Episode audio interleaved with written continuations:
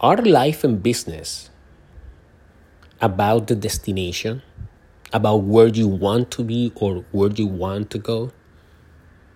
No, it is not. It's about the journey. It is not about the destination. It is about the people you meet in your life, people that you hire, you promote, people you fire from your own life to move forward and from your business.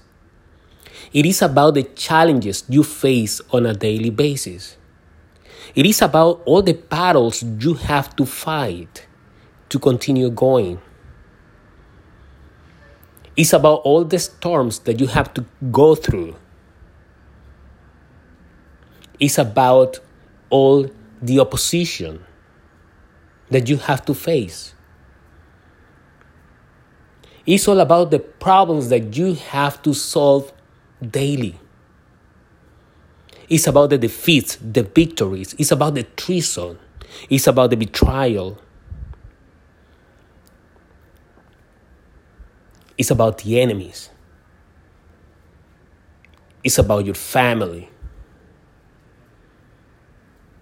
It's about your day to day, your days, your nights of fights, of tears, of sweat. It is about the journey. Because the journey is how you live and experience life at its fullest. The journey will give you all the gratification, satisfaction, wins and losses. It's the journey that will show you what or how much worth it is what you want to get. The journey will make you a winner, an overcomer. The journey will give you the life you want.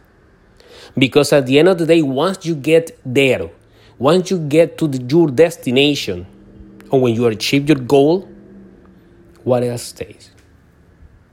What else? It's about the journey.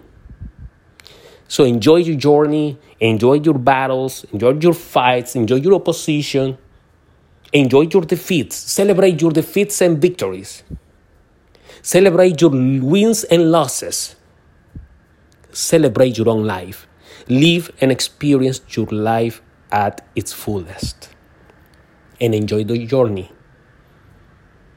while you get to your destination. Thank you for listening this episode. I want you to reflect on that thought that it's not about the destination, it's about the journey. So if you like this episode, leave your comment, share this episode with a friend, with a family member, with whoever you think can listen to this and get inspired a little. In the meantime, I wish you the success you deserve.